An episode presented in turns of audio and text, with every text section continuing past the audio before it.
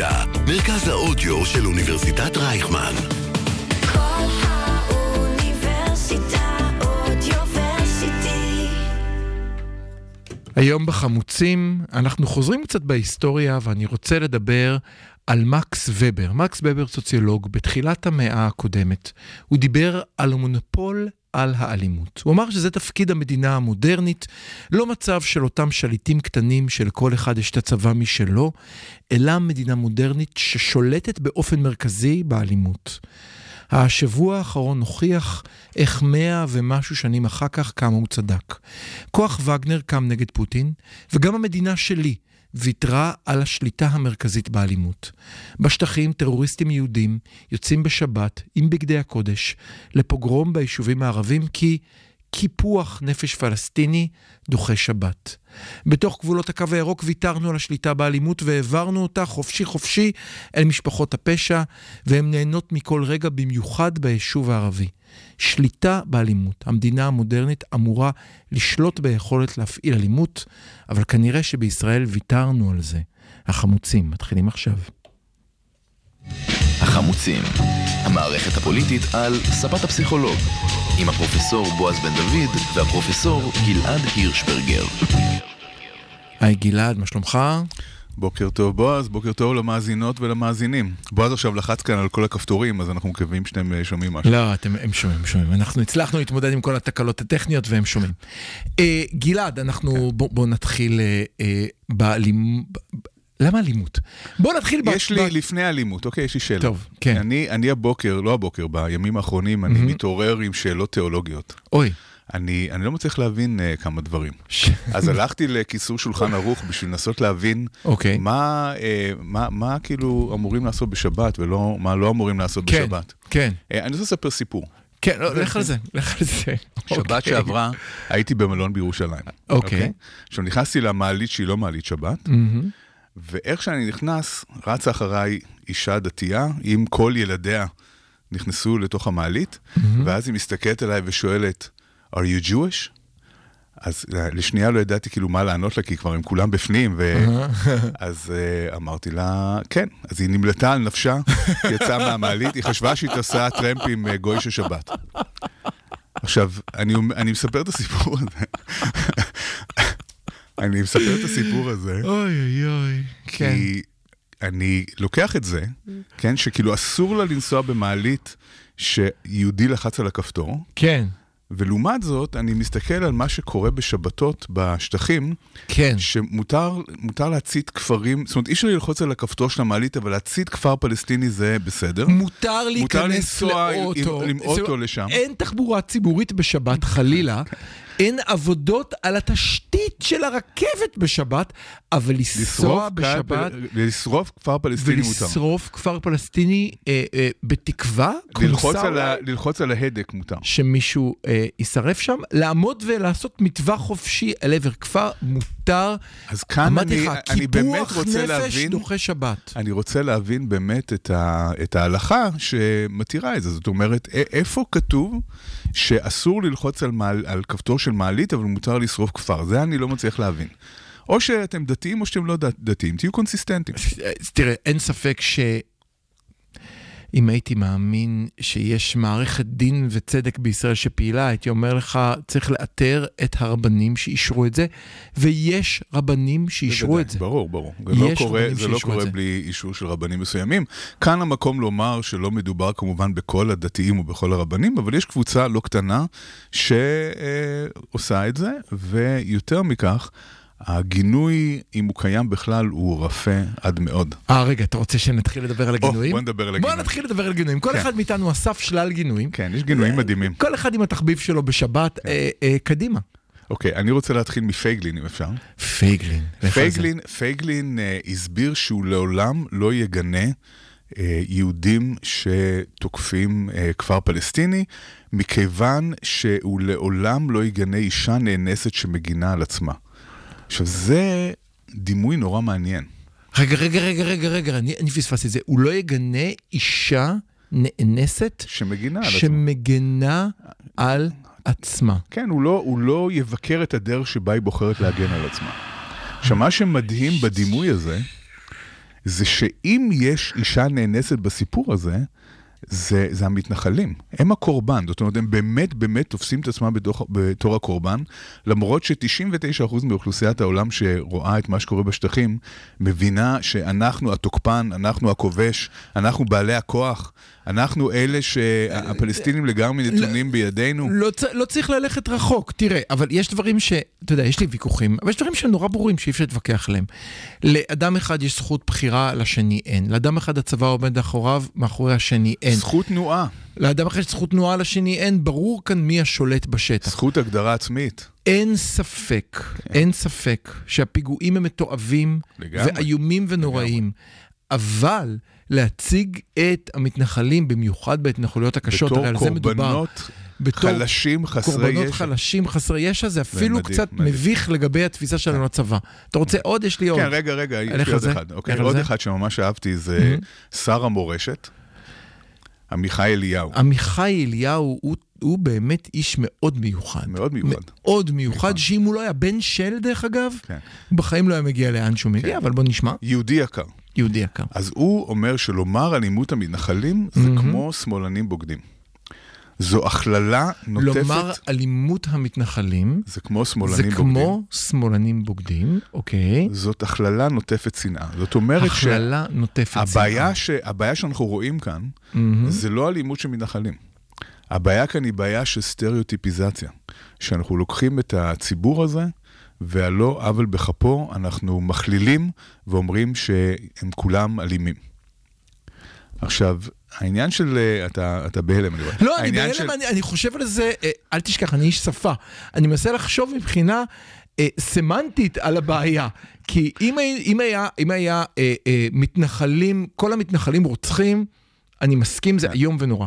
אבל, אבל להגיד שיש אלימות בקרב המתנחלים, לא, לדעתי זה- הבעיה כאן היא, היא בעיה של ה' הידיעה.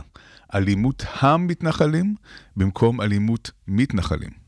זאת אומרת, אם היינו אומרים אלימות מתנחלים, הייתה נחה דעתו והוא לא היה מצייץ את הציוץ הזה. הבנתי. אבל בגלל ה' הידיעה, בגלל שזה המתנחלים, הבנתי. ומה שיכול להשתמע מכך שמדובר בכל המתנחלים, אזי המשפט הזה הוא פסול, נוטף שנאה, אה, ולכן הוא אמר את הדברים שהוא אמר.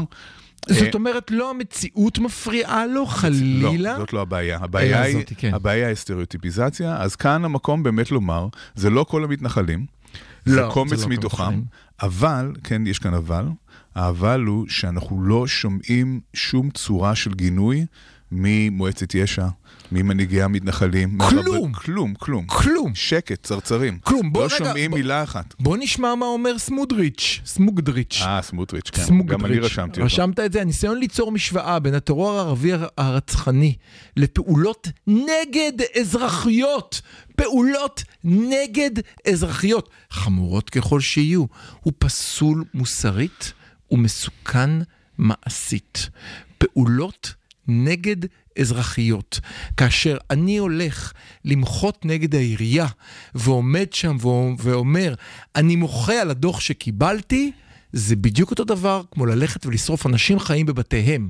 כן. סמוטריץ'. רוב הגינויים ששמענו מימין, מחברי ממשלה, היו, לא היו בדיוק גינויים, היו אמירות שזה לא יעיל, שזה לא עוזר, שזה פוגע בצבא, שזה לא נראה טוב בעולם, אבל אה, לא שמענו גינוי מוסרי, לא שמענו אף אחד קם ואומר, זה פסול מוסרית, זה מכתים את כל אה, מדינת ישראל והעם היהודי, כשעם שסבל מפרעות, אני כל הזמן חושב על זה שהצאצאים של אה, קורבנות אה, קישינב ופרעות ת"ח ות"ת, הם אלה שמבצעים את הפוגרומים האלה, זה פשוט אה, לא ייאמן, זה ממש בושה לעם היהודי שדבר כזה קורה. ובשבת קודש באים עם הקדושה, ממש מבית הכנסת, אה, באים שורפים וחוזרים. אבל עכשיו אני רוצה רגע, אני רוצה, יש כאן עוד נקודה שחשוב להעלות אותה. נו, אחד, הצבא ברגע הראשון אה, אמר אה, איזשהו משפט, אני חושב שזה היה הרצי הלוי, שאמר שהצבא לא מצליח לשלוט במתנחלים, במה שקורה שם.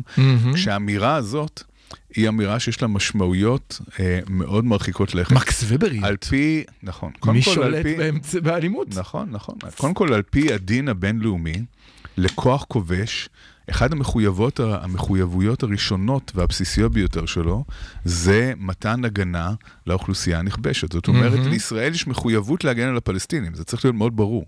אנחנו לא יכולים לעשות מה שאנחנו רוצים איתם. מהמם. יש לנו מחויבות להגן עליהם. ברגע שאנחנו מודיעים שאנחנו לא מצליחים להגן עליהם, יש לזה השלכות. בוודאי. העולם יבוא צריך... האו"ם ויגיד, אוקיי, אז אנחנו נגן עליו. אז אנחנו, נכון, נכון. והאמת היא שאולי הגיע הזמן שהאו"ם אה, באמת, אה, או, או איזשהו ארגון בינלאומי, יבוא ויגיד, תקשיבו, אתם, או שאתם מספקים הגנה לפלסטינים, או שמישהו אחר צריך לעשות את זה. אוקיי, ואז יגידו, רגע, אבל מי אמור לספק, אני אתן לך את ה... אני כן. אקל עליך. רגע, אז מי אמור לספק הגנה לאזרחי ישראל? צה"ל. לנו יש. לנו יש צבא, יש לנו שב"כ. זה יש לנו נכון, משטרה. יש לנו את כל הכוחות הנדרשים בשביל... שליטה באלימות. כן, זאת אומרת, אנחנו יכולים לעשות זה. נכון שיש פיגועים וזה טרגי, אבל כאן אני גם רוצה, אה, אם אנחנו ניקח אה, זום אאוט קצת ונסתכל על Mhm. כל מה שקורה בארץ, יש כאן דבר מאוד מעניין, והוא הפרדוקס של שימוש בכוח. פרדוקס שימוש בכוח, סקרנת, קדימה. אחד הדברים שהממשלה הזאת, וגם עוד לפני שנבחרה, כל הזמן חבריה מדברים עליו, זה הנושא של Mhm. משילות. אוקיי. תנו לנו את הכוח ואנחנו נמשול, אנחנו נראה לכם אה, מה זה. מהמם. הבעיה היא שאם נחזור למקס ובר ולעניין של אה, כוח, אני, אני עכשיו בפרויקט שמתעסק בדיוק בעניין הזה של יחסי כוח לא פורמליים בין קבוצות שונות. יחסי כוח לא. פורמליים בין קבוצות. מה זה אוקיי. אומר? זה אומר שאם אם, שליט, אם ניקח את המושג של שליטה, שליטה זה היכולת לעשות מה שאני רוצה, איפה שאני רוצה בשטח נתון מסוים שהוא כביכול בשליטתי, אוקיי. בלי שמישהו אחר יפריע לי. כן? אוקיי.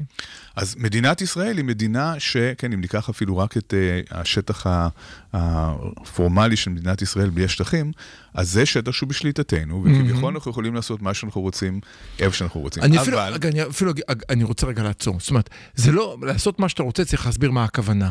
זאת אומרת, השליטה המרכזית של המדינה בכוח אומרת שכשיש מדינה מודרנית, לא כמו המדינות שהיו לפני המאה ה-20, אני יודע שאני לא צריך לקחת צבא שיגן עליי, או לשלם פרוטקשן למישהו שישמור עליי, לא כי המשטרה. תשמור עליי. אני לא מדבר על זה. אוקיי. אני מדבר על זה שבתוך מדינה, למרות שברמה הפורמלית המדינה שולטת בכל הטריטוריה, אוקיי. בתוך מדינה עדיין יש כוחות שונים שיש להם השפעה ש, שמחלישה במידה מסוימת את השליטה האבסולוטית של המדינה. אוקיי. מה זה אומר למשל?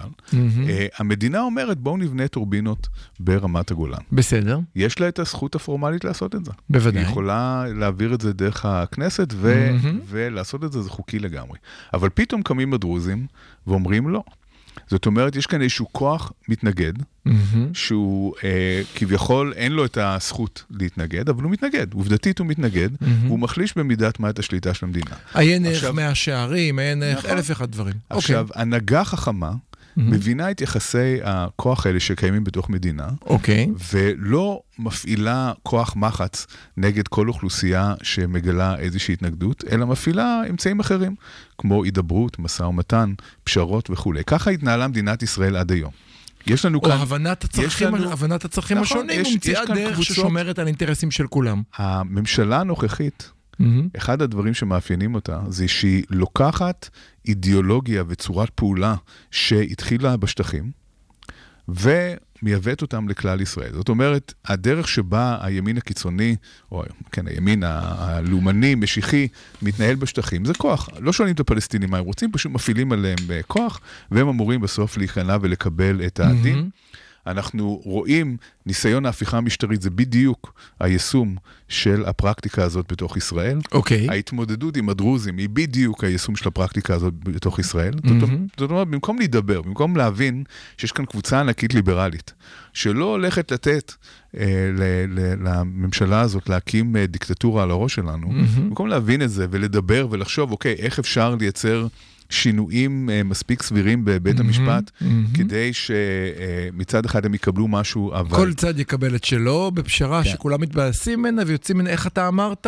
אתה לא זוכר את מי ציטטת שבפשרה טובה כולם יוצאים מבואסים. נכון, קודם כל עמוס עוז כן, אה. אמר את זה, אבל גם, האמת שגם יאיר לפיד דיבר כאן בקמפוס אוקיי. לפני אה, כמה שנים, והוא דיבר על זה שפוליטיקה היא אומנות הפשרה. זאת אוקיי. אומרת, פוליטיקאי טוב הוא פוליטיקאי שיודע לנהל משא ומתן ולהגיע לפשרות. אבל גם יודע מה הקווים האדומים שלו. נכון, נכון. אוקיי. אוקיי, קדימה. גם עם הדרוזים, אותו הדבר. ה- המשטרה יודעת, אה, כולם יודעים כבר אה, חודשים רבים שהעניין הזה כבר עומד. חודשים כן. מדברים על זה כולם. אתה יודע מה אותי הפתיע? שעכשיו כולם נמצאים בשוק. אנחנו כבר חודשים קוראים על זה. עכשיו, אי אפשר היה לדבר איתם?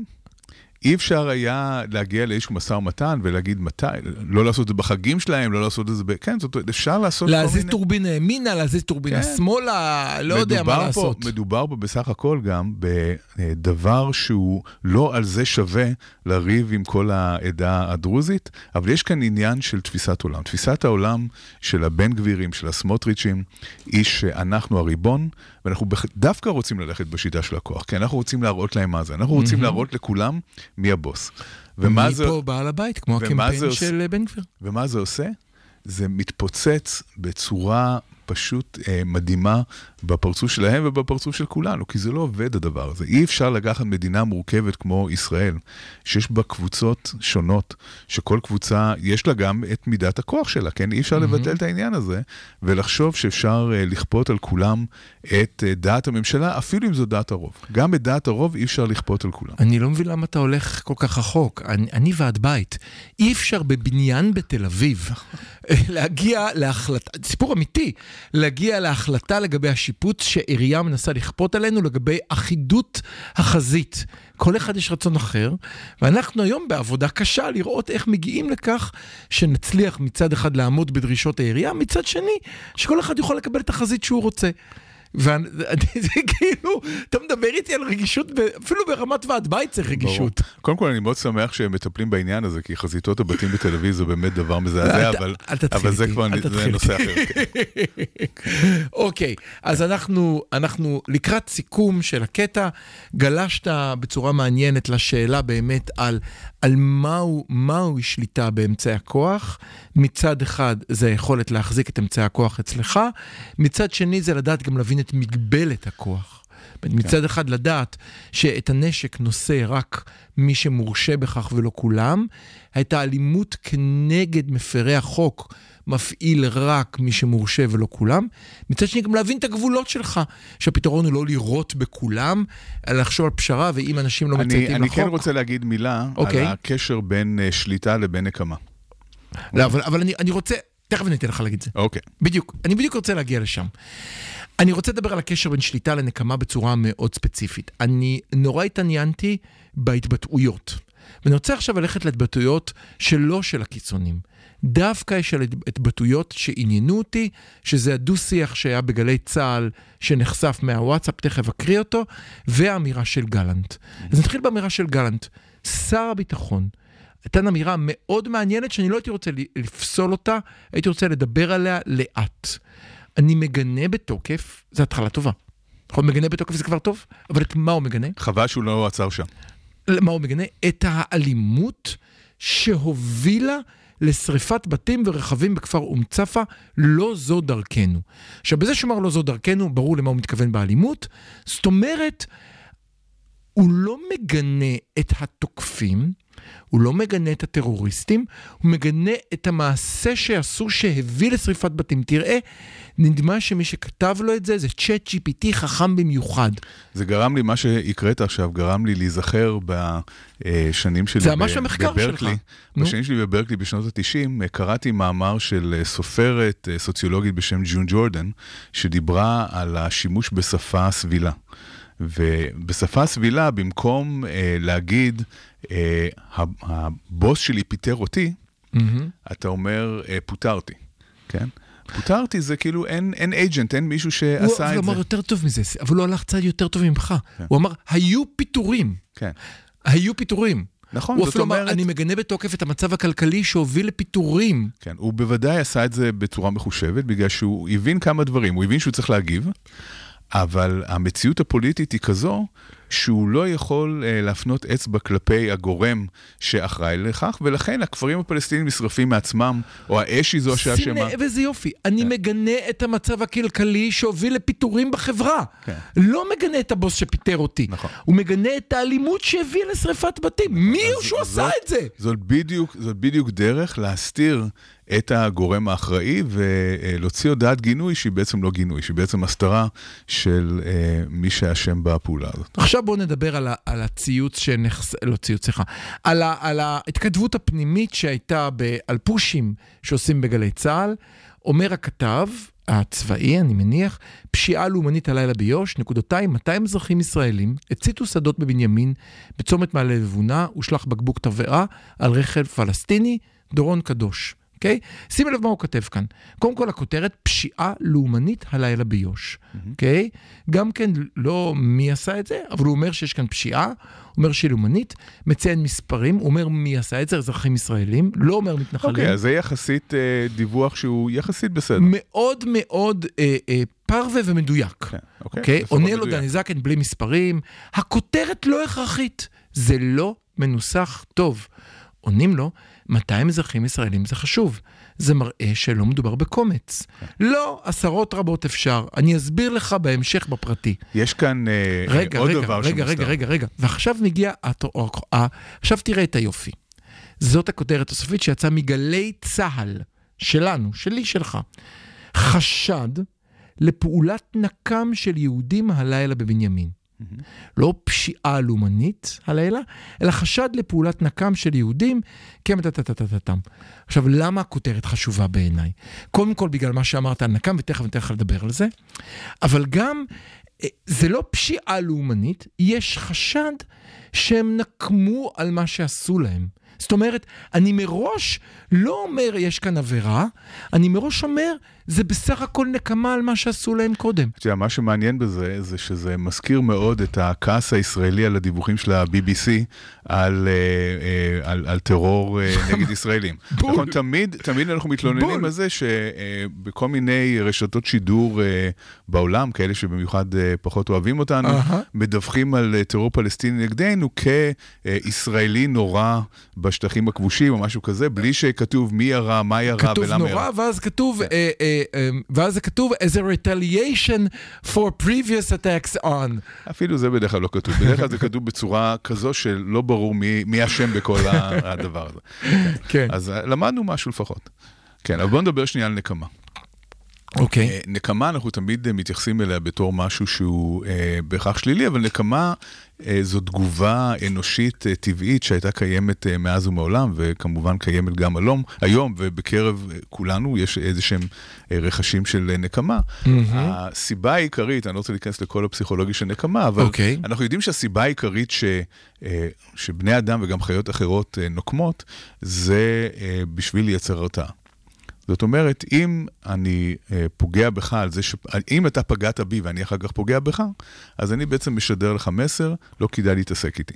וחלק מהפסיכולוגיה של הנקמה כאן, כן, חלק ממה שהמתנחלים מנסים לעשות, אהה. זה לייצר את מאזן האימה הזה, להגיד, אהה. אה, דיר באלק, תעשו עוד פעם אה, אהה. פיגוע, כי נשרוף לכם את הכפר. אהה. עכשיו, זה אפילו מה ש- הולך עם שיר. מה שמעניין, נכון, יש שיר כזה.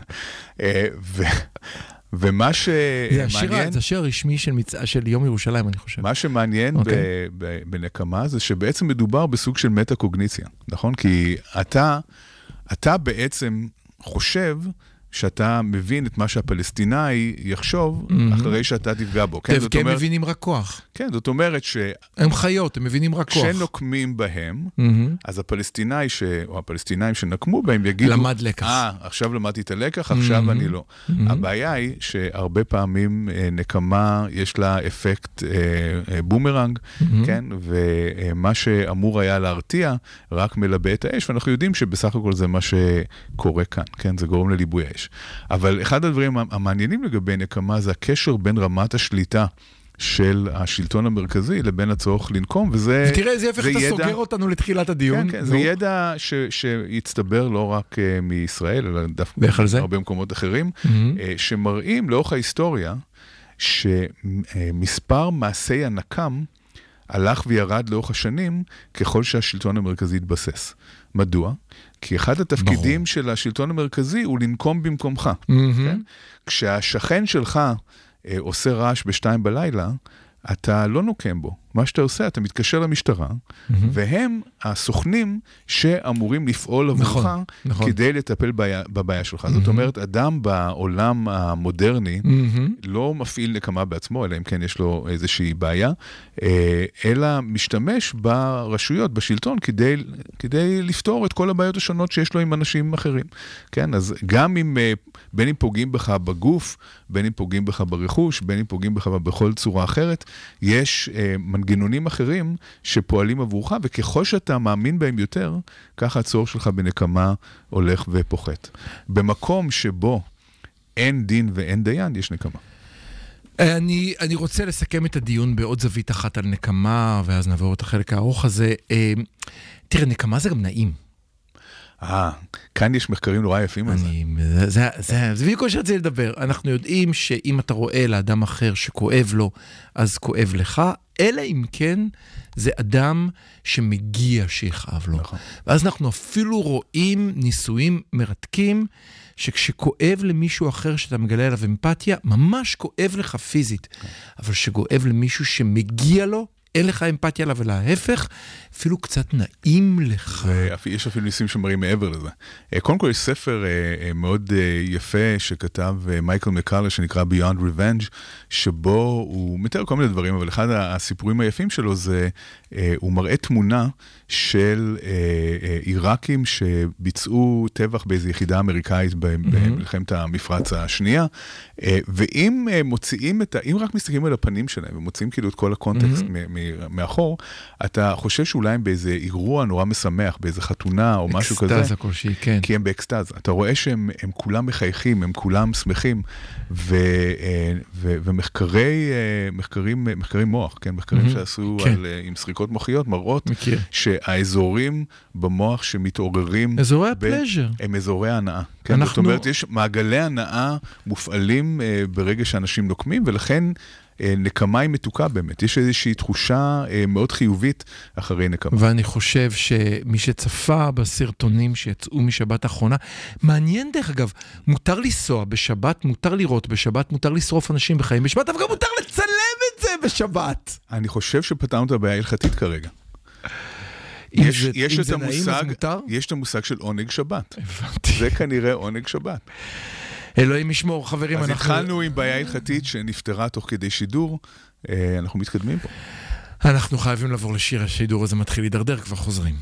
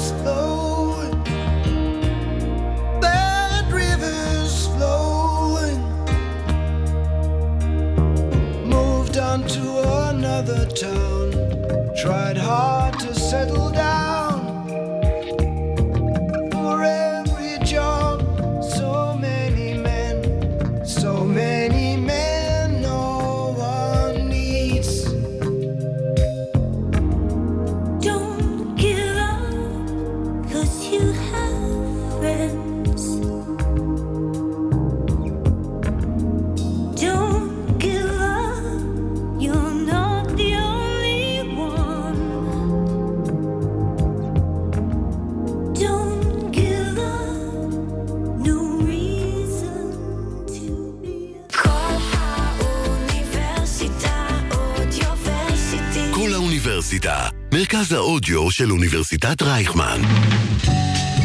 החמוצים, המערכת הפוליטית על ספת הפסיכולוג, עם הפרופסור בועז בן דוד והפרופסור גלעד הירשברגר. אז תודה שחזרתם אלינו. אני חייב לצטט את השרה אורית סטרוק. אי אפשר בלי סטרוק. השרה אורית סטרוק, אז בואו נגיד מה היה. בבוקר היה גינוי של, שים לב, הרמטכ"ל, ראש השב"כ ומפכ"ל המשטרה. זאת אומרת, שלושת האנשים שהמדינה הסמיכה להיות אחראים על האלימות, על הכוח, נכון? כביכול, כן. אוקיי? הם יצאו נגד אלימות ה... מותר להגיד אלימות המתנחלים, אני לא יודע כבר מה מותר לי להגיד. בלי ה' הידיעה, נגד מתנחלים. ה- הטרור, אוקיי? הם הוציאו, או טרור לאומני, היא אומרת, הם הוציאו הודעה על טרור לאומני. מי אתם? כוח וגנר? עכשיו, למה זה משעשע? כי מהו כוח וגנר? כוח וגנר הוא כוח צבאי שלא מונה מידי המדינה להיות אחראי על אלימות. חרב. ומבצע אלימות בשטח. אני מנסה לחשוב, אני מכיר כוח כזה, שיש לו נשק, שהמדינה לא מרשה לו לעשות בו שימוש, אבל הוא עושה בו שימוש בשביל להשליט חוק בעצמו. אני מנסה לחשוב אני מכיר כזה ארגון. נכון, יש כזה דבר? בוא, בוא נגיד אה, עוד כמה מילים על כוח וגנר ועל ההשוואות הנדרשות. לך על זה. כוח וגנר אה, בעצם קם ב-2014 בפלישה אה, הרוסית לקרימיה, לחצי האי קרים. אה, והכוח הזה, אה, שמי שהקים אותו זה בעצם אה, אה, מקורב מאוד ל- לפוטין, אנחנו ניגע בזה, מהמם. בזה בהמשך, אבל כן. מי שהמטרה של הכוח הזה היא לבצע פעולות שהצבא הרוסי עצמו לא יכול אה, לבצע, ו- וככה אפשר אה, להתנער מהמעשים של מהמם. הכוח הזה.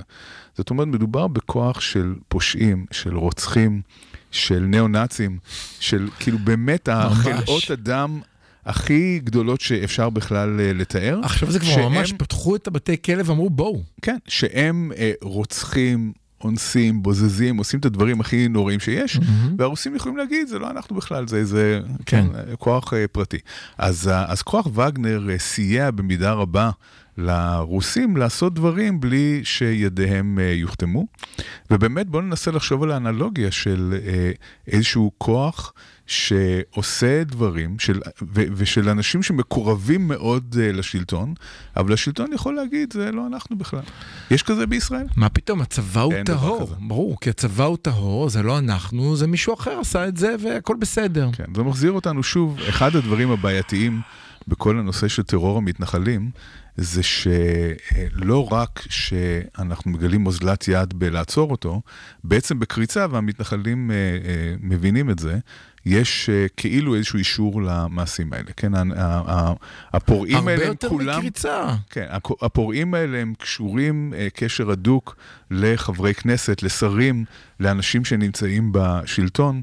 אה, אתה הם- חושב שחנמאל דורפמן לא מקבל שיחות טלפון לפני ואחרי בוודאי, מתועדות? ברור, אין, אין בכלל שאלה לגבי זה. ולכן, אה, אם יש איזושהי השוואה לכוח וגנר, מהמם. אז בוודאי שזה לא צה"ל, ולא הרמטכ"ל, ולא השב"כ, ולא המשטרה. כן, זה, זה אה, קבוצה אחרת, אלימה, שבעצם מבצעת את רצון השלטון בלי שידי השלטון יהיו מוכתמות. אפילו הלכת עם האנלוגיה, זה צעד אחד חמור יותר ממה שאני העזתי לעשות, כן. אבל עכשיו אנחנו, אני כאילו מצד שני קורא לכך שבואו כולנו ניזהר בלהשוות כל דבר לכוח וגנר. אסור להשוות. לא, לא כי אסור להשוות, מותר להשוות, זה פשוט אף אחד לא מבין מה קורה וכולם או, רצים או, להשוות. זה אחד הדברים המעניינים לא בכל מבין מה. שקרה. אני, זה, זה, אני לא חושב שיש תקדים בהיסטוריה, אני לא יכול לחשוב על תקדים של הפיכה צבאית שהתחילה יום אחד ולמחרת הסתיימה. כן. בלי שפיכות דמים, בלי כלום, לא קרה שום כן. דבר.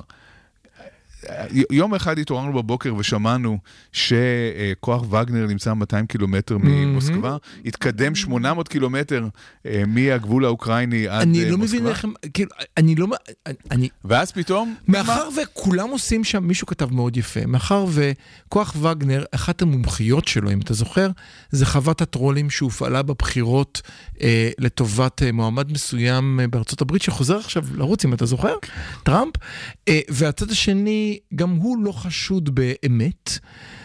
לכן... אני לא מומחה לנושא הזה, ומישהי צחקה שבשביל להיות מומחה למה שקורה ברוסיה אתה צריך להיות גבר עם מקלדת, אז אני משתדל לא להיות גבר עם מקלדת, אבל 800 אפילו, מטר אפילו ביום, גבוהים מקלדת לא מבינים מה קרה. לא, אני- 800 מטר, אני 800 חיפשתי- קילומטר, אני לא מבין כלום. חיפשתי מישהו שיכול להסביר את העניין הזה, אין, אפילו הרוסולוגים אה, הכי ידועים והכי מומחים לא מצליחים להסביר את זה, אבל בכל זאת, אתה יודע, אנחנו בכל זאת גברים ישראלים, אז אנחנו נגזור. אנחנו מוכרחים לגזור כמה תובנות מה, מהעניין ה- טוב, הלא. מוסבר הזה. לך על זה. אני חושב שקודם כל, אה, מה שאפשר לומר זה שאחרי האירוע הזה של כוח וגנר, אה, זה לגמרי סביר אה, לתת לאיתמר בן גביר לבנות מיליציה. משל עצמו. בהחלט. אין שום סיבה לדאגה, מה כבר יכול להשתבש לא. אם לבן גביר תהיה מיליציה משלו? גם, גם מה שמעניין, שכשבחוסר דמיון משווע, כשבן גביר מדבר על המיליציה שלו, הוא מדבר על אנשים שהם לא מאוד שונים מאנשים שגויסו לכוח וגנר. הוא ממש רוצה להקים כוח וגנר. הוא אומר, אני מחפש בדיוק את האלה שנדחו מהחברה, ודרך זה שניתן להם נשק, אני אחזיר אותם לחברה. למוטב. כן. אלוהים ישמור, כן, כן. לא, נשמע טוב, כן. אז אה, לפחות קיבלנו איזושהי הצצה של אה, מה עלול לקרות, וכאן אה, אתה הבאת את ובר, אז אני רוצה להביא את מקיאוולי, שיסביר מה, מה הוא חושב קדימה, על כוח כזה של שכירי חרב. לך על זה. אז מקיאוולי אומר כך: מפקדי, צבא, מפקדי צבא שכירי חרב מסוכנים לנסיך בכל מקרה, הוא כתב את זה בנסיך כמובן. כן, כן. אם הם בעלי יכולת, הם ישאפו להישגים אישיים ויפתחו יומרות פוליטיות משל עצמם. אם הם חסרי יכולת, על אחת כמה וכמה אין בהם תועלת. אין לסמוך על שכירי חרב משום שהם רודפי בצע וכבוד, שאפתנים לעצמם, אך חסרי משמעות או נאמנות. אז, אה, אז אני עד מקווה... כמה מדויק. כן. עד כמה מדויק. אז uh, בהחלט, קודם כל, מקיאוולי היה מדויק בהרבה דברים, כן? כתב את הדברים האלה במאה ה-16, uh, וחלקם נכונים עד היום. כן. וניתן היה לחשוב שמנהיג מקיאווליאני כמו נת, נתניהו, שחושב במושגים האלה, כן? מה, אחד האמירות הידועות של מקיאוולי זה שמוטב למנהיג שיחששו ממנו מאשר שיאהבו אותו. נכון. אם, אם נתניהו, שהוא מק- מקיאווליאני בבסיסו, אה, לא מבין את, ה, את העניין הזה, אז אה, כן. כן, אני, אני לא יודע, אני לא רוצה, אתה ניסית בשנה, בשבוע שעבר להיכנס לראש נתניהו, קטונתי, אבל זה נדמה שזה הכל בגישה של אה, אני רוצה לשמר את העכשיו, ומה יקרה אחר כך, לא אכפת לי, בסוף זה יסתדר. לא, הוא רוצה לשרוד. כן. הוא, הוא רוצה לשרוד פוליטית והוא לא רוצה להיכנס לכלא, זה, זה העניין העיקרי. אתה רוצה להגיד עוד משהו על כוח וגנר, שגמרנו בלנסות להסגביר את כוח וגנר, שאין לנו מושג מה קורה איתו? כן, לא, אני חושב שגם אם אנחנו לא מבינים לגמרי מה קרה עם כוח וגנר, יש לזה אוקיי. משמעויות אה, לגבי רוסיה ולגבי המלחמה עם אוקראינה. כן. זאת אומרת, אנחנו עכשיו נמצאים בתוך אופנסיבה אוקראינית, מהמם, מהמם. שזה לכשעצמו אה, עניין מאוד אה, מעניין, במלחמה שהתחילה לפני יותר משנה וחצי, והיה נראה שרוסיה הולכת פשוט אה, לרמוס את אה, אוקראינה תוך שנייה, מהמם. ואנחנו רואים עכשיו אה, מצב שהוא לגמרי שונה מהמם. ממה שהיה בהתחלה. אה, כל הסיפור הזה עם כוח וגנר אה, מחליש במידה רבה מאוד את פוטין. כן, זאת אומרת, הכוח הזה התקדם כל הדרך עד מוסקבה כמעט, בלי שום אה, התנגדות. לכאורה, אני כבר לא מבין מה קורה שם, אוקיי. אוקיי, אנחנו אין לי לא- מושג, בסדר. בכל מקרה זה, זה איים על פוטין, כן, זה כן. ערער את, ה, כן. את המעמד שלו. כן. אה, זה גם מציג אותו כמגוחך, כחלש, כן. כעלוב, כאחד שלא שולט. זאת אומרת, ליגה אחרת, אתה זוכר את השלט הענק כן, של ביבי ליגה הדברים, אחרת? אחד הדברים כאילו- ש... אה, איך קוראים למפקד של הכוח? פריגוז'ין, פריגוז'ין, אני, אני לא הוגה את שמו נכון. כן, פר, פריגוזין. כן. אחד הדברים ש... שהוא טען זה שהצבא הרוסי משקר שלא מדווחים על כמות ההרוגים, לא מדווחים על פשוט אמר הכישלונות. אמת. הוא אמר את האמת, זה נכון. נורא מעניין. אז זה, אוקיי, אז זה כבר מאוד ערער. מאוד מסוכן. כן. האמת מסוכנת. כאן, אחד הדברים, כש, כשעוד לא ידענו מה הולך לקרות עם הניסיון הפיכה הזה, אה, אז היה ברור מצד אחד שזה כוח קטן לעומת הצבא הרוסי, אבל לפעמים כוח קטן ונחוש יכול להיות יותר אפקטיבי מכוח גדול שלא מעוניין להילחם. זאת אומרת, כרגע נכון. הצבא הרוסי, כפי שהוא נראה היום, הוא גם לא מוכן, והוא גם, אה, כנראה שהמוטיבציה שם היא סופר אה, נמוכה. אבל כאמור, זה לא משנה, כי זה הכל יתפוגג, ואנחנו נצטרך לראות לאן זה ממשיך, אם בכלל, מכאן. אני רק אוסיף עוד, עוד שכבה אחת מעניינת. אה, בניסיון הסגברה הראשון שלי, אה, אה, יש, אה, אלא אם כן קורים דברים שאני לא יודע, למיטב זיכרוני והבנתי, יש במגירה של פוטין כפתור אדום. ואני חושב שזה משנה קצת את כללי המשחק, אפרופו איראן, אפרופו סעודיה, פה כל הדיון על גרעין. העובדה שיש לו במגירה כפתור אדום, והכפתור הזה יכול להגיע אל אה, אה, אותו אחד שאני לא מצליח להגות את שמו, וחבריו הרוצחים והאנסים מהכלא, נכון, אז זה. בגלל זה זה לא מעניין. שהיה בטוח אצל פוטין. בגלל זה זה מעניין. זאת אומרת, כל הסיפור הזה עורר בהלה. אה, רוסיה בסך הכל, מבחינת uh, הכוח הכלכלי שלה למשל, היא מדינה די זניחה בעולם, למרות mm-hmm. Mhm. uh, גודלה. אבל זאת מדינה עם כנראה 6,000 uh, פצצות uh, אטום. מהמם. אה, לפי מקורות זרים. כן, סדר גודל, 5,000, זה לא משנה, כן?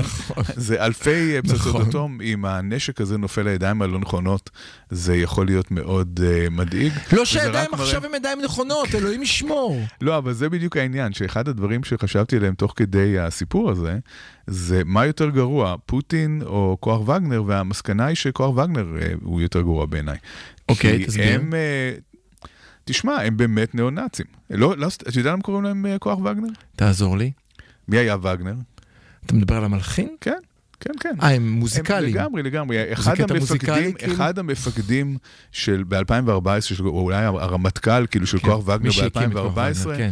אה, היא קראה להם כוח וגנר בגלל חיבתו להיטלר, בגלל, שהוא, בגלל שווגנר היה מוזיקאי שהיטלר אה, הריץ, אז הוא קרא לו כוח וגנר, זה לא במקרה. זה באמת קבוצה של פושעים וניאו-נאצים. אז, אה, אז עדיין, אתה יודע, זה נורא קשה להחליט מי יותר גרוע, אבל אני חושב שבמקרה הזה אה, פוטין עדיף. עד כמה שקשה לומר את זה. פוטין עדיף, ואנחנו גם לא יודעים מי פעל לכך שזה נגמר באופן שבו זה נגמר, אנחנו רק יודעים שהוא קיבל את בלארוס אנחנו כמתנה. לא מבינים, לא מבינים שום אבל דבר אנחנו מה שקרה שם. באמת לא מבינים כלום, וזה זה אפילו מדהים עד כמה אנחנו לא מבינים. אני מודה שאני מצפה שיהיו אנשים שיגידו לנו מה קורה, לא יודע, אמורים להיות פרשנים ופרסונולוגים. אבל זה כן אה, אה, נותן לנו איזושהי הצצה של עד כמה העולם הוא מאוד מעורער, דברים אה, קורים, ו, ובאמת אה, זה עניין לפעמים, לפעמים של חוט השערה בין להיות במצב שהוא מאוד מסוכן אה, מבחינה גלובלית, ל, אה, כן, אה, למצב שהוא רגיל. אנחנו נסגור את הקטע הקצר הזה ברשותך בשתי תמונות שמעניינות אותי. תמונה אחת זה התמונה אה, של אה, קייב ולביב. הייתי בקייב, זה עיר מדהימה, זה עיר שהבאתי ממנה מגנט לבת שלי. אוקיי? זאת עיר, זה לא סוריה. כן. כאילו יש לי מגנט כזה מגניב אה, עם... עיר תיירותית. כן, וצ... ושטויות שקניתי במסעדות שם להביא לה כהפתעה. אה, ולראות שם טנקים ברחובות, זה היה תמונה שחזרה אליי עכשיו. לא יודע אם שמת לב, הראו תמונה של טנקים באותה עיר שכוח וגנר כבש, לא כבש, whatever, אי אפשר לדעת. לידם היו קורקינטים חשמליים חונים. כן. ראיתי את זה, כן. קורקינטים חשמליים חונים זה סימן של עיר מודרנית. כן. זה לא סוריה נכון, המופצצת. נכון, נכון. זה עיר שיש אנשים צריכים להגיע מערבית. לעבודה, ששוכרים קורקינט חשמלי לפי שעה, יש אפליקציה, יש חברה. עליה, התמונה שאתה מדבר עליה היא לא סתם של קורקינטים, היה אה, צילום של אה, טנק של אה, כוח וגנר שעושה חרקות כן. בכביש שם אה, איפשהו באיזה עיירה אה, אוקראינית, ויש שם קורקינטים חשמליים ליד שנותנים לך באמת את התחושה שזה כמו לעשות חרקות ב- בלב תל אביב. בתל אביב או בברלין או בלונדון. בוא, בוא כן. נדבר על זה. זאת אומרת, יש כאן משהו שהוא על, ה, על הפריחות הזאת. זאת אומרת, אנחנו מייצרים לעצמנו עולם בטוח דרך כלכלה, הייטק, התקדמות, ובא המשבר אוקראינה-רוסיה ומגרד לנו את הכל. אז תודה לאל, זה רחוק וזה שמור. כולם יכולים לחיות בשקט, אבל הוא מגלה משהו על הפריחות הזאת. זאת אומרת, מקדונלד, הפריחות הזאת... אפילו כלל מקדונלדס לא עובד. אתה זוכר, נכון. וגנר עצרו במקדונלד לאכול. הפריחות הזאת, אגב, אני חושב שזה היה שווארמות שהם הביאו בבוקר, אני גם ראיתי את הסרטון הזה, אבל לא חשוב. הפריחות הזאת שאתה מדבר עליה, mm-hmm. יש לה השלכות מאוד חשובות לעתיד הדמוקרטיה והליברליזם. ממש. בגלל שאנחנו נמצאים בעולם שבו אה, האיומים מהווים, אה, מעבר למשמעות הישירה שלהם, מהווים איום גם על, ה, אה, על החברה הליברלית. היכולת של חברה ליברלית להתקיים מושתתת על זה שאתה סומך על זה שהחופש שאתה נותן לאנשים אחרים לא מסכן אותך. ברגע שאנחנו נתחיל להרגיש שהחופש הזה מסכן אותנו, אז אנחנו נתחיל לראות אה, שינויים. אני אגיד יותר מזה. אני חושב, אני בכוונה רוצה להתמקד במקדונלדס. כי אתה זוכר היה פעם את משל המקדונלדס. אתה מכיר אותו, אתה סיפרת אותו פעם. זה ה-double arch theory, כן. זאת אומרת שאם יש מקדונלדס, לא תהיה. במקום שתי שיש... מק- מדינות שיש בהן מקדונלדס לא נלחמות אחד בשנייה. אוקיי. זה כבר לא נכון. וזה כבר לא נכון, אבל זה גם היה מעניין, כי שים לב, ברגע שרוסיה התחילה לכבוש את אוקראינה, מקדונלדס יצא מרוסיה. כן. זאת אומרת, כאילו נשאר שם המשחק הזה, אבל מה אומר המשחק הזה? זה אומר שמקום שבו יש כלכלה מתפתחת, it's the economy stupid, יש כלכלה מתפתחת, יש איזושהי תרבות, אז הוא מוגן מפני הפשיזם. אז מה שאתה אומר עכשיו, זה בעצם אה, התמודדות ששתי תפיסות עולם מתנגשות אה, לגבי מה יגרום ל, אה, ל, לשלום בעולם. תפיסה אחת שהיא התפיסה הרווחת, היא מה שנקרא uh, The Liberal World Order, הס- הסדר העולמי הליברלי. הסדר העולמי הליברלי אומר שברגע שיש יחסי מסחר, ברגע שיש תיירות, ברגע שיש קשרים הדוקים בין מדינות, המוטיבציה לצאת למלחמה פוחתת. אני אפילו אוסיף לזה, תן לאנשים עתיד, תן להם אוכל, תן להם קורקינט חשמלי ותן להם תן-ביס בצהריים, נכון. והם פחות לא- ירצו למות. נכון, הם פחות ירצו להילחם בשכנים שלהם. כן. עכשיו, כל הגישה לגבי, גם לגבי רוסיה וגם לגבי סין, היא כזאת, כן. הכלכלה של שתי המדינות האלה התפתחה במשך השנים, יש מקדונלדס, יש uh, את כל uh, הדברים שיש במערב, ואם העסק הזה רק ילך ויתפתח, יהיה תיירות ויהיו יחסים ו- וקשרים, ובעצם לא תהיה בכלל אופציה של לצאת למלחמה. יש גישה אחרת, שהיא נקראת ריאליזם פוליטי. כן, דיברנו על זה. ה- כן. ואחד אה, מראשי הגישה הזאת הוא אה, סוציולוג, אה, מדען מדינה בשם אה, ג'ון מירשיימר, שאמר, אה, זה לא מספיק, הסדר העולמי הליברלי, חייבים הרתעה משמעותית.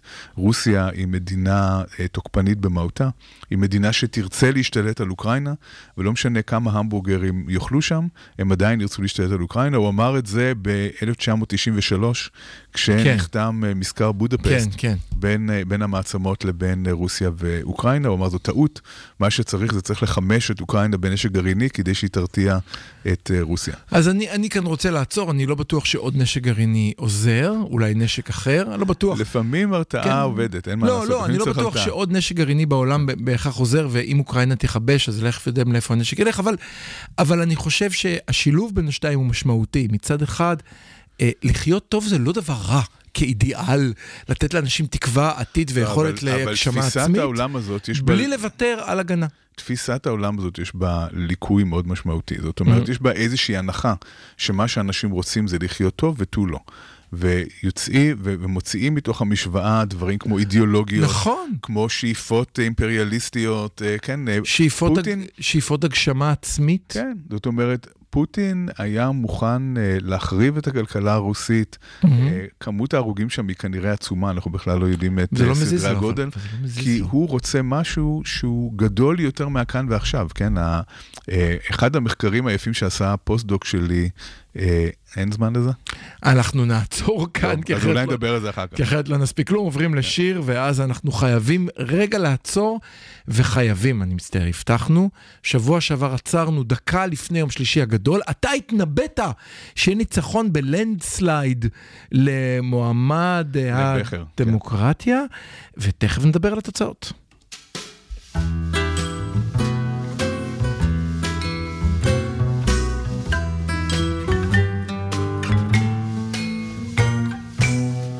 I wish you'd known me when I was alive.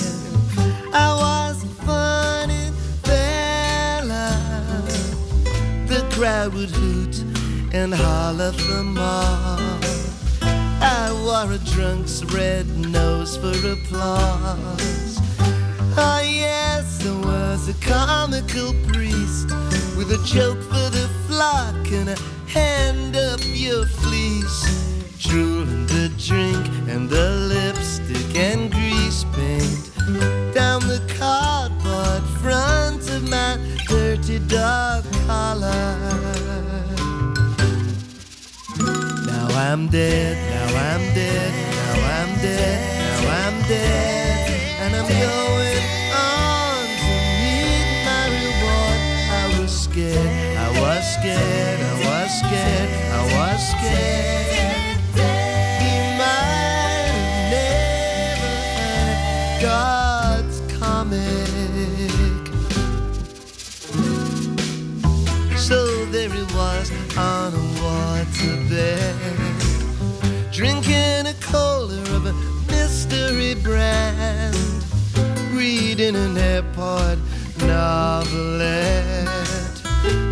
listening to Andrew Lloyd Webber's Requiem. He said before it had really begun, I prefer the one about my son. I've been wading through all of this unbelievable junk and wondering if I should have given the world to the monkeys. Now I'm dead, now I'm dead, now I'm dead, now I'm dead, and I'm going on to meet my reward. I was scared, I was scared, I was scared, I was scared. He might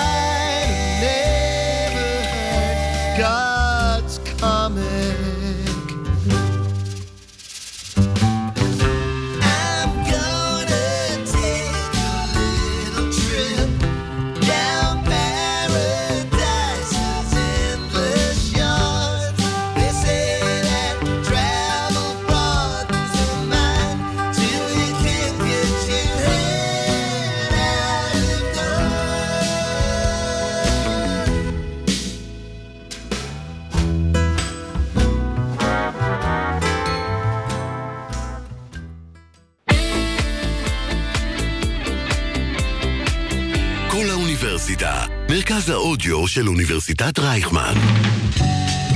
החמוצים, המערכת הפוליטית על ספת הפסיכולוג, עם הפרופסור בועז בן דוד והפרופסור גלעד הירשברגר. תודה שחזרתם אלינו, אנחנו בחלק, חזרתם וחזרתן אלינו, אנחנו בחלק האחרון, אנחנו חייבים לדבר על יום שלישי הגדול, אי אפשר לפספס את יום זה. שלישי, כן. היו בחירות ללשכת לשכת עורכי עורכי הדין. פעם זה לא היה מעניין אותנו בכלל, ועכשיו זה הפך להיות, מי זה אכפת? מועצת הדייגים כן, לגמרי. עניינה אותי יותר, כי בכל זאת עלות הדגים משפיעה על חיי באיזשהו אופן. כן, אבל זה הפך להיות דרמה גדולה. זה הפך להיות דרמה גדולה. אני רוצה, אני רוצה לדבר על, על שני דברים. אני יכול לשאול שאלה קודם? לך על זה. תראה, אני, אה, פתחנו את התוכנית בתהיות אה, הלכתיות שלי, ויש לי עוד כאלה, אה, לגבי כל העניין הזה של לשכת עורכי הדין, נו, כי אפי נווה אה, הלך להתפלל בכותל.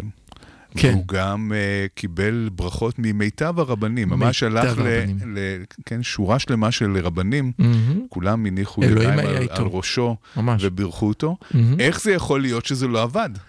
איך זה יכול להיות? אני, אני לא מבין.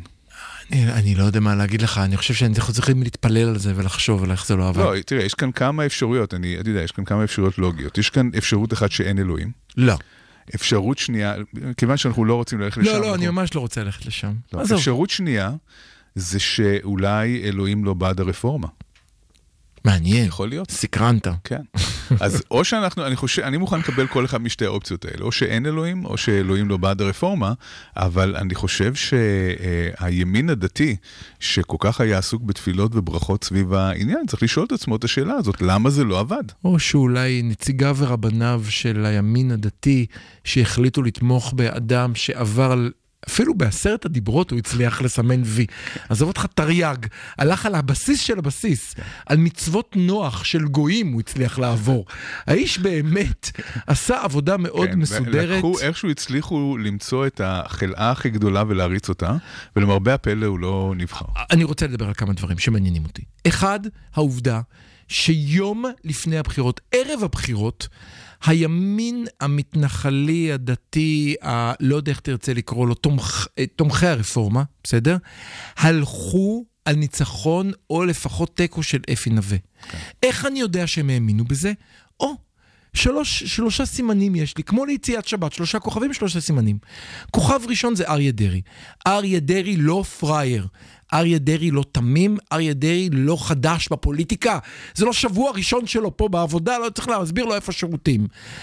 הוא יכול היה לומר, אני קורא לבוחר לבחור את מי שטוב לו, ואז ככה קצת אה, אה, ללקק למי שכנראה היה מנצח. לפני הבחירות הוא יצא בקריאה חד משמעית לתמוך באפי נווה הזנאי. חד משמעית. כן. אחד.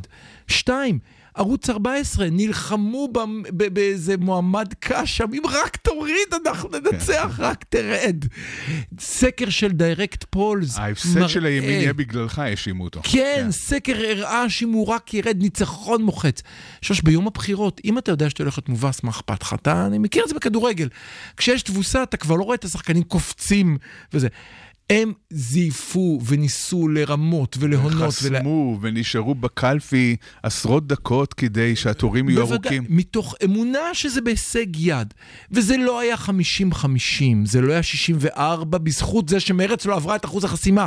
זה היה 75 אחוז מול 15. כן. אבל כאן אה, צריך לומר, אה, אתה יודע, מעבר לכל הציניות והכל, צריך לומר כמה דברים מאוד חשובים. כן. בעיניי הבחירות האלה, מעבר לחשיבותם, הם אה, מטאפורה לכל המאבק שאנחנו מנהלים. לך על זה. הבחירות האלה מראות שהציבור הליברלי הוא סופר סופר נחוש. אנשים עמדו בשמש, בלי מים, ממש. חיכו חיכו חמש, שעות. שש, שבע שעות כן. בשביל אה, להצביע ללשכת עורכי הדין.